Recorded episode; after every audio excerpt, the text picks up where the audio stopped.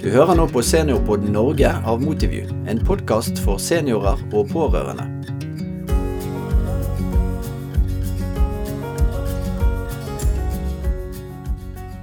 Atle Pedersen og Anne Berge Pedersen hadde lagt mange planer for framtiden. De så fram til båtturer, reiser og kanskje finne et nytt sted å bo. Men under en ferietur til Spania merket Anne at alt ikke var som det skulle med mannen hun hadde delt livet med i snart 40 år. Like etter fikk Atle påvist en sjelden demensdiagnose, bare 62 år gammel. Ja, Anne, kan ikke du fortelle litt om deg og Atle og livet dere har hatt sammen? Jo, det kan jeg gjøre. Um, Atle var vel kanskje den mest sjarmerende mannen jeg noensinne har truffet. Uh, og det var når uh, jeg var 20 og han var 26. Ja. Og det gikk bare et år, og vi giftet oss og um, fikk et barn. Og så flyttet vi til Argentina med jobben til Atle. Mm, bodde der i to år. Og kom tilbake til Norge og um, var her i to år og flyttet til England, og der bodde vi i 20 år. Så eh, vi fikk tre barn. Tre gutter. Og har egentlig hatt et eh, helt fantastisk liv. Har vært mye på reis, hører jeg. Det har ja, vært. vi har reist og fått oppleve utrolig mye. Og Atle reiste jo også veldig mye i jobben sin, og han jobbet også i tillegg eh, på Kypros og i Malawi. Mm. Men i 2018 så var dere på ferie i Spania, og der skjedde det noe. Kan du fortelle litt om hva som skjedde i Spania? Ja. Eh, I Spania der eh, er vi mye aktivitet, og vi spiller bl.a. stort sett tennis hver eneste dag. Og Atle skulle ringe for å bestille tennisbane, og siden vi har bodd i Argentina, så snakker vi jo også spansk. Eh, og han ringte og bestilte, men han eh, brukte da eh, blanding av engelsk og spansk i bestillingen på telefon. Og det var jo en veldig merkelig eh, kombinasjon. Så vi lurte jo på etterpå da hva, hva dette var. Og det er noe som bare videreutviklet seg. Begynte å blande mer og mer eh, spansk og engelsk. Og etter hvert så begynte de norske ordene også å miste enkelte norske ord. Ja, hva, hva, tenkte du da når du opplevde disse tingene her? Hva var det første du tenkte? Her er jo noe galt. Altså, hva er det som skjer? Han har hatt et lite drypp, eller Ja. Så um, han begynte utredning, da, eh, hos lege. Um, eh, og ble sendt til alle slags mulige undersøkelser. Mm. Hva viste disse undersøkelsene? De viste at ingenting var galt. MR var helt fint. Eh, det var ingen tegn til demens. Han tok masse prøver. Um, og alt var fint. Slo du deg til ro med det? Um, vel, jeg håper Altså, jeg slo meg til ro med det såpass at jeg håpte at dette At det ikke var noe. Men uh, når en psykolog som han gikk til, da, sa at han skulle settes på lykkepillen fordi at han var bare deprimert, at alt var grunnet depresjon. Um, og at selv om Atle sa selv at jeg fins ikke deprimert, at det er helt tussete, så uh, var jeg enig med legen at han måtte bare begynne uh, å ta um, lykkepillen. Men så kom det jo en uh, undersøkelse i 2019 Ja. som slo fast at Atle hadde fått demens. Hva, hvilken diagnose var det han fikk? Ja. Um, jo, i uh, april uh, 2019 så fikk vi en telefon, da var vi også i Spania. Og da fikk han uh, diagnosen primær progressiv afasi, som er en sjelden form for demens. Um, og den går mest ut på at du i, i, begynnelsen, da, at du mister språket. Mm. Når du fikk telefonen, kan du fortelle litt om hvor du var? Hva... Ja, vi var i Spania, som sagt, og, og uh, legen bare sa, fortalte diagnosen, og så sa hun at Så jeg råder dere til å leve nå. Eh, virkelig leve nå. For vi vet ikke hvor lang tid dette vil ta. Der satt du sammen med Atle når den telefonen kom. Hvordan, ja. Husker du hvordan du reagerte, og hvordan Atle reagerte? Ja, um, jeg husker jeg så på Atle, men jeg kunne ikke se at han reagerte noe særlig. Men min reaksjon var jo til legen at vi lever.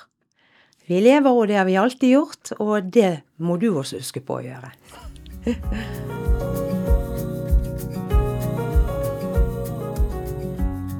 Dere hadde jo lagt mange planer for fremtiden.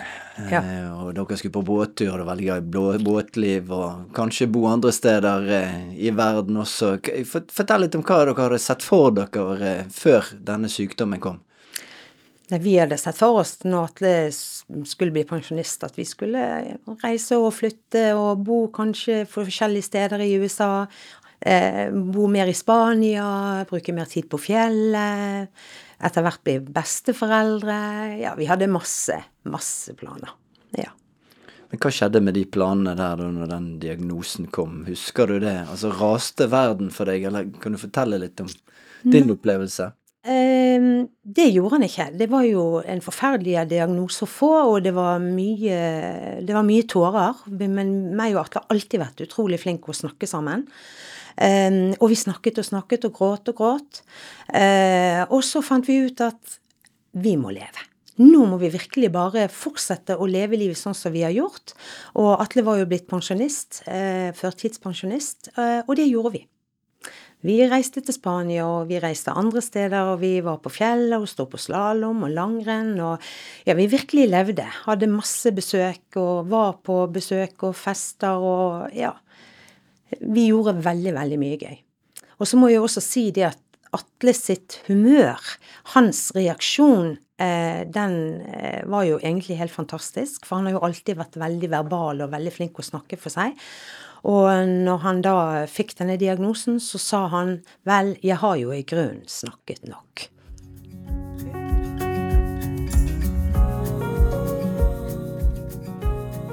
Når denne telefonen kom fra legen, eh, da reagerte ikke Atle noe nevneverdig på det, men det var seinere han fikk en reaksjon. Kan du fortelle litt om det? Ja, eh, og det var når han mistet sertifikatet. Han gikk gjennom forskjellige eh, øvelser, da. Eh, og fikk beskjed om at den gjorde han så, skårte han så dårlig på at han mistet sertifikatet. Og da var mannen helt knust. Mm. Så det var det verste for han. For han følte seg så oppegående. Ja. Men hvilke forhold hadde han til eh, diagnosen? Altså, Erkjente han at han var syk, eller hvordan opplevde du han der i tidlig fase? Eh, ja, han erkjente at han var syk, men som sagt så hadde han jo en, et fantastisk humør, eh, og sa at han i grunnen hadde snakket nok. Men jeg tror han tenkte mer at han eh, At det mest skulle gå utover språket. Jeg tror ikke han da eh, tenkte på det at han etter hvert eh, eh, ville bli 100 eh, pleietrengende. Mm. Sånn at jeg, jeg vet ikke om det var allerede da demensen som gjorde at han ikke tenkte det, eller om det var bare noe han la bak seg og ikke ønsket å tenke på. Dere tenkte nå skal vi, nå skal vi leve livet, nå skal vi ha det gøy. Ja. Men var det, var det andre ting òg som du tenkte var viktig i den perioden? Eh, Ja, altså det som var viktig for meg, var jo at eh, folk fikk vite om det. At vi eh, snakket om det, var åpne om det. Eh, men vi opplevde jo veldig mye egentlig ganske vondt. Eh, at folk ikke taklet det, og ikke visste hvordan de skulle eh, tilnærme oss. Ja, Sånn at de mange ganger folk eh, gikk over på andre siden av gaten, for eksempel. Ehm, og det var jo da jeg bestemte meg for at dette går jo ikke. Nå uh, legger vi noe ut på Facebook, og så um, uh, håper at det vil uh, hjelpe. Og da var det jeg ble kontaktet av Bergens Tidende, og det kom ut en, en reportasje om Atle, da. Og det har jo hjulpet veldig. Mm. Men litt tilbake til det, vi snakket om denne spanieren, og du opplevde at han snakket spansk og engelsk. Ja. Eh, var det andre ting da, når du begynte å lure litt på den situasjonen som kom opp ifra tidligere, eh, så du nå setter i sammenheng, så Ja, eh, absolutt. Um, altså, det tok jo som sagt et år før han fikk diagnosen. Eh, og når vi da går tilbake, så kan jo jeg tenke på situasjoner der eh, ting ikke var helt som de pleide å være. Reaksjonsmønsteret hans, for eksempel. Um, men um, den største tingen, det var jo det når han begynte i den nye jobben, og nektet å lære seg computersystemet. Og det ble til stor krangel hjemme. Og hvor han til slutt spurte meg hvem holder du med, jobben min eller, eller meg? Og jeg måtte jo være ærlig og si jobben. Mm. Tenkte du da at det var fordi at han ville holde på gamle rutiner, eller tenkte du at dette kunne være noe annet? Nei, da tenkte jeg bare at han var blitt en uh, litt eh, satt eldre mann. ja. Men har, det, har du liksom angret på noe i ettertid? Altså, du sier dere var uenige, og du holdt med jobben, men å sette tilbake igjen altså har det plagd deg et reaksjonsmønster du har hatt der i forbindelse med sånne? Nei, det har aldri plaget meg. For det var helt umulig å skjønne at han, eh, at han var blitt syk da.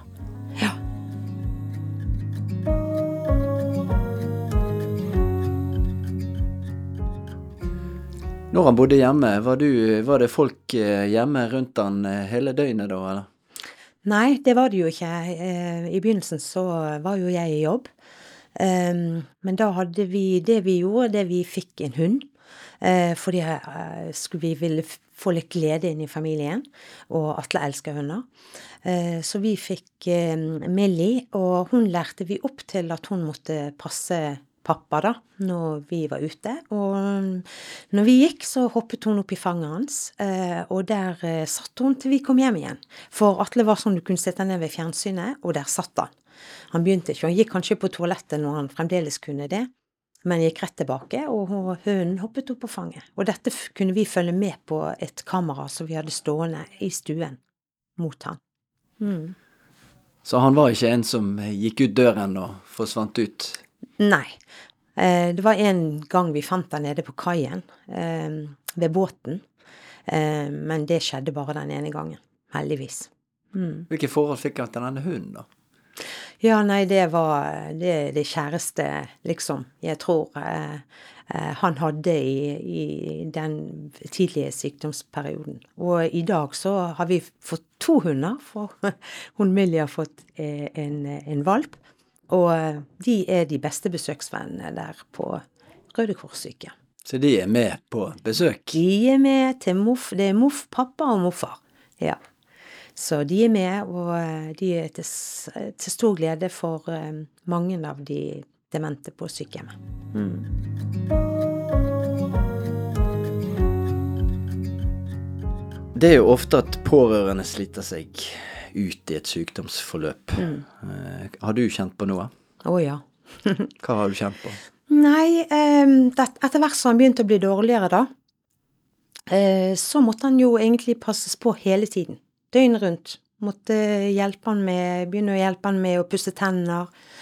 Eh, altså alt eh, måtte en hjelpe. Han kunne ikke gjøre noen ting selv. han mistet alle egenskaper til å ta ut oppvaskmaskinen, for eksempel. Eh, så ikke om han hadde eh, skitnet seg til av flekker på klærne. Eh, begynte å få problemer med å kle seg. Begynte å få lekkasje av urin, avføring, altså begynte å bruke bleier. Etter hvert så kunne han ikke ligge i sengen hjemme, for han var blitt så dårlig og klarte ikke å få han opp av sengen. måtte få sykehusseng, og etter hvert måtte vi få hjemmesykepleie, og ja. Men for deg har det jo vært viktig å ha Atle hjemme så lenge som mulig. Mm. Hvorfor har det vært viktig? Jeg må jo tenke sitte meg i det samme eh, stedet. Tenk hvis det var meg. Eh, og selvsagt hadde jeg ønsket å få være hjemme så lenge som mulig. Men der fins jo en grense for uh, hvor, mye, hvor mye en skal klare. Så når vi begynte, når det begynte å gå på helsen løs, og vi knapt sov, for jeg hadde jo sønnen min hjemme også, den yngste sønnen vår til å hjelpe, og hvis ikke han hadde bodd hjemme, så hadde jo han aldri kunnet bo hjemme så lenge som han gjorde da. Men det var sånn, vi sov ikke. Vi gikk litt sånn på skift og eh, måtte dusje han om morgenen og skifte bleier på han, og eh, etter hvert få han på dagsenter, da. Og det begynte jo Det blir jo en lettelse i seg selv. Ja. Så um, Men det var slitsomt. Vi visste at når hun kom hjem fra dagsenter, så var det på han igjen. Og vi måtte gå på skift og ja, passe på han. Og passe på at han fikk i seg mat og ja. Han fikk plass på dagsenter. Var det en eh, enkel eh, operasjon? Eh, Ja, det var en enkel operasjon, og det var helt fantastisk. Først fikk han tre dager i uken, og så fikk han fire dager i uken. Og det, der hadde han det helt fantastisk. Hvor viktig er det eh, i en sånn prosess for deg som pårørende å få avlastning? Det er alfa og omega. Altså det kan, jeg kan ikke eh, skryte nok av det stedet han var på, og den lettelsen når han gikk ut den døren eh, hver morgen. Det er jo gjerne litt sånn upopulært i hermetegn å si det, men for deg som pårørende så er det jo viktig å si du, du har jo allerede sagt litt at det er slitsomt å være pårørende og trenger en pause. Ja. Det er veldig viktig for at du skal kunne klare resten av eh, på å si, tiden på dagen og helgene, eh, å være tålmodig. Det er veldig lett å bli utålmodig når du har en dement person. Men da vil jo jeg bare legge til eh, hvor utrolig viktig det er å eh, holde den utålmodigheten inni seg. Og ikke vise den demente at, eh, at du blir utålmodig. For da blir den demente bare enda mer usikker. Ja, det kan jo være en vanskelig øvelse når det står litt på. Det er en veldig vanskelig øvelse, men eh, den er utrolig viktig.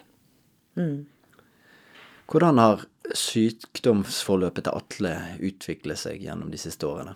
Ja, Han, er, han, eh, han gikk jo bare fra å blande ordene eh, til å eh, Ja, til nå sitter han i rullestol og eh, må løftes ut av en seng eh, i, eh, i en heis.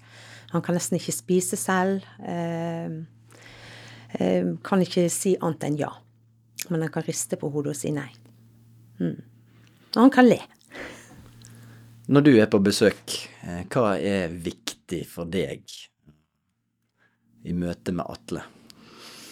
Det er å fortelle han hvor høyt jeg elsker han. Eh, få fortelle morsomme historier. Få han til å le. Ja. Og det, det gjør han. Og det virker som han forstår eh, Forstår humor. Mm. For han ler på de rette stedene. Så har jo han eh, Det har vært viktig for deg og godt venner, og han har stor omgangskrets. At de òg får besøke han. Altså, er det, for mange så kan det kanskje være litt sånn de vil ikke trenge seg på. Hvordan har du eh, kommunisert ut til venner og omgangskrets eh, det med at Atle nå er på sykehjem, men vil gjerne ha besøk? Ja, jeg har fortalt eh, jeg fortalte alle når han kom på sykehjem, hvor utrolig viktig det var at han fikk besøk. Og han var jo også på sånn avlastningsopphold tidlig i Altså først gikk han på dagsenter, og så begynte han å få avlastningsopphold, som var eh, tre uker og fire uker hjemme. Um, og da begynte jeg å fortelle venner og familie eh, hvor viktig det var at han fikk besøk. Og, og, eller egentlig var det de som kom til meg og spurte om de kunne få gå på besøk til han. Og jeg sa ja, det ville være helt fantastisk. Og familie og venner har gått og besøkt han eh, eh, stadig vekk. Eh, flere ganger i uken har han, har han besøk. Så um, det betyr veldig mye for han, og, og alle kommer med eh, forklaring etterpå hvordan han har vært, og alle sier at eh, kanskje i begynnelsen kjenner han oss ikke igjen helt nå i disse dager. Men, eh, men eh, det er ikke tvil om at han eh, etter hvert som vi begynner å prate og fortelle historier fra tid tilbake, at han ler og, og husker. For eh, hver dag når eh, jeg kommer på besøk, eller nå går, jeg- går jeg annenhver dag, så er det første jeg spør han om eh, er 'Elsker du meg?' Og så svarer han ja. Og så sier jeg 'Er du egentlig drittlei meg?' Og så svarer han ja. Og så holder han på å lese i hjel. Men som sagt, i går så spurte jeg 'Elsker du meg?' Ja. Er du drittlei meg? Og så ristet han på hodet. Nei. Så han forstår. Hvilke følelser ga det deg? Åh. Ja. Altså, Atle var jo veldig ung når han eh, fikk mm. demensdiagnose. Ja. Eh, Hvordan opplevde du møtet med det offentlige og det med å få avlastning, sykehjemsplass Ja. Vel, um, i begynnelsen så gikk det veldig, veldig greit. Han fikk eh, plass på um, dagsenteret nesten med en gang. Um, og, men han skulle inn og få avlastningsopphold, Uh, så fikk han bare tilbud om et sted på et sykehjem uh, for veldig uh, mer alvorlige demente og mye, mye eldre enn han. Og det var kanskje den verste dagen i mitt liv. på den dårlige samvittigheten jeg hadde den dagen jeg hadde levert den der. for da hulkegråt han når jeg gikk.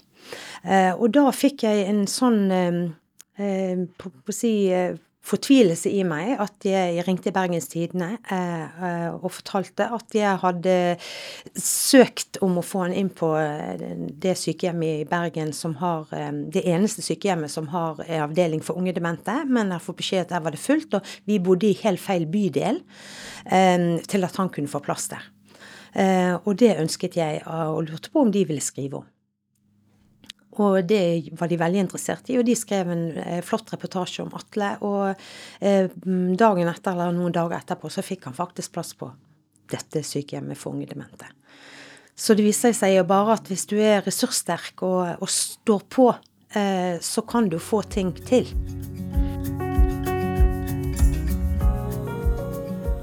Har du opplevd andre ting her? Nå snakket vi om møtet med med kommunen og, og hjelpen. Eh, mm. Men det er andre ting som dukket opp her nå i forbindelse med at Atle ble syk? Ja, jeg eh, tenker på forsikringene som han hadde gjennom jobben. Så eh, hadde han sykeforsikring og uføreerstatningsforsikring og en annen forsikring. Det var tre forskjellige forsikringsselskap.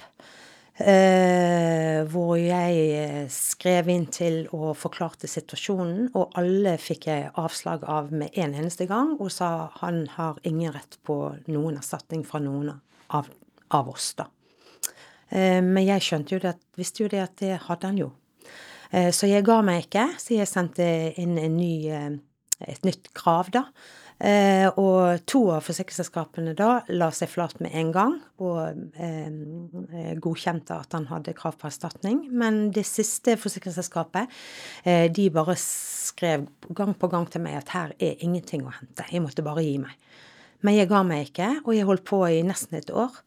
Og eh, til slutt så fikk han jo da eh, millionvis av kroner til, eh, i erstatning. Som han egentlig hadde gått glipp av hvis ikke jeg eh, eh, ikke hadde gitt meg, da. Mm. Du må egentlig være litt ressurssterk i møte med disse tingene her. Er det det du egentlig sier? En må være veldig ressurssterk. En må ikke gi opp. Mm. Du har jo vært åpen i media med din Atle sin historie. Har det vært viktig for deg? Ja, det har vært veldig viktig for meg. Først og fremst eh, for at, eh, at folk skulle eh, At det skal gjøre demens til en, en, vanlig sykdom. Altså en sykdom som på lik linje med alle andre sykdommer. Og i alle sykdommer eh, er det jo veldig lurt å være veldig åpen. Og gjøre det naturlig gjøre det for, for folk. Um, men det har også vært eh, En ting som er veldig viktig for meg, det er jo eh, at en bruker noe vondt til noe godt. Og, og, det har vært fantastisk for mange eh, andre pårørende med unge demente som vi har fått hjulpet med å ha gått ut i media på den måten som vi har gjort. Ja, For du har fått mye henvendelser etter du var ute? Mange, mange henvendelser. Og jeg har fått hjulpet de med så mye. Mm. Tenker du at uh, det er for lite informasjon og opplysning og fokus på det med demens, spesielt for yngre? Uh, er det derfor du tror du har fått så mye henvendelser?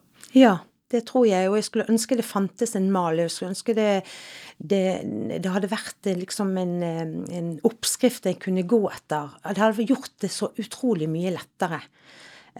For det er tøft. Ekstremt tøft, spesielt, tror jeg, med unge demente. Mm. Er det noe som går igjen i disse spørsmålene fra de som henvender seg til deg? Er det noen fellesnevnere som du ofte svarer på? Ja, det er vel helst uh, hva de har krav på, og når de kan uh, søke om avlastningsplass.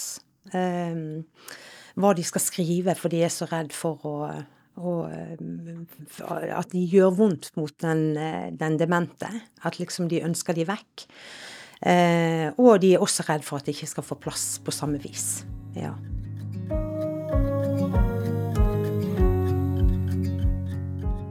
Ta vare på seg sjøl oppi situasjonen. Det er jo Det er jo kanskje noe som må til. Altså, du syns det er vondt å sende de vekk, men Ja.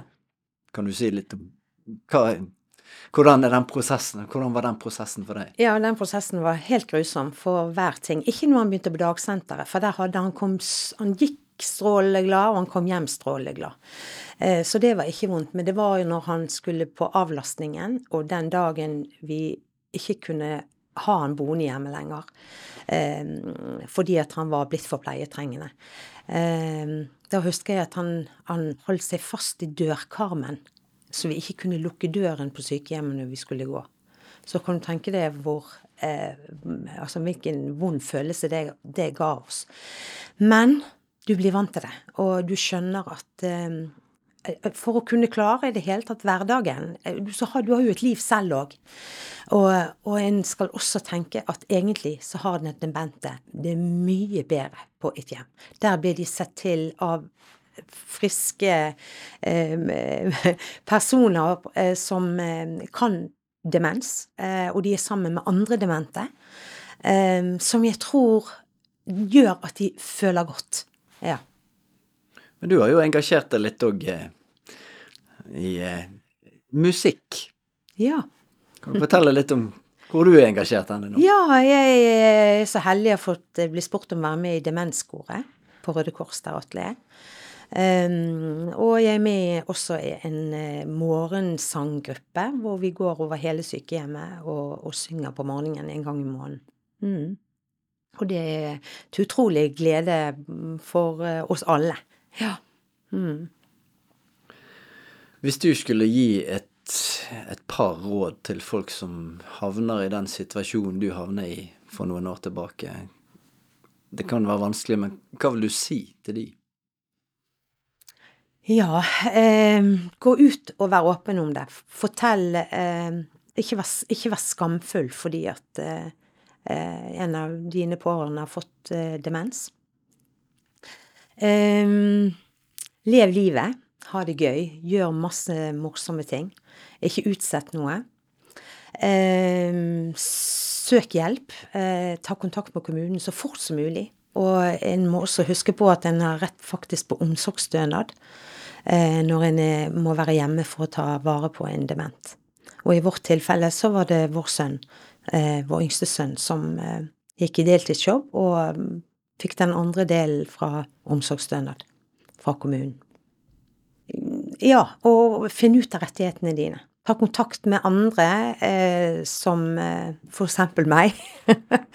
eh, hvis du trenger råd og vink om, eh, om og ting du kan, trenger hjelp til. Mm.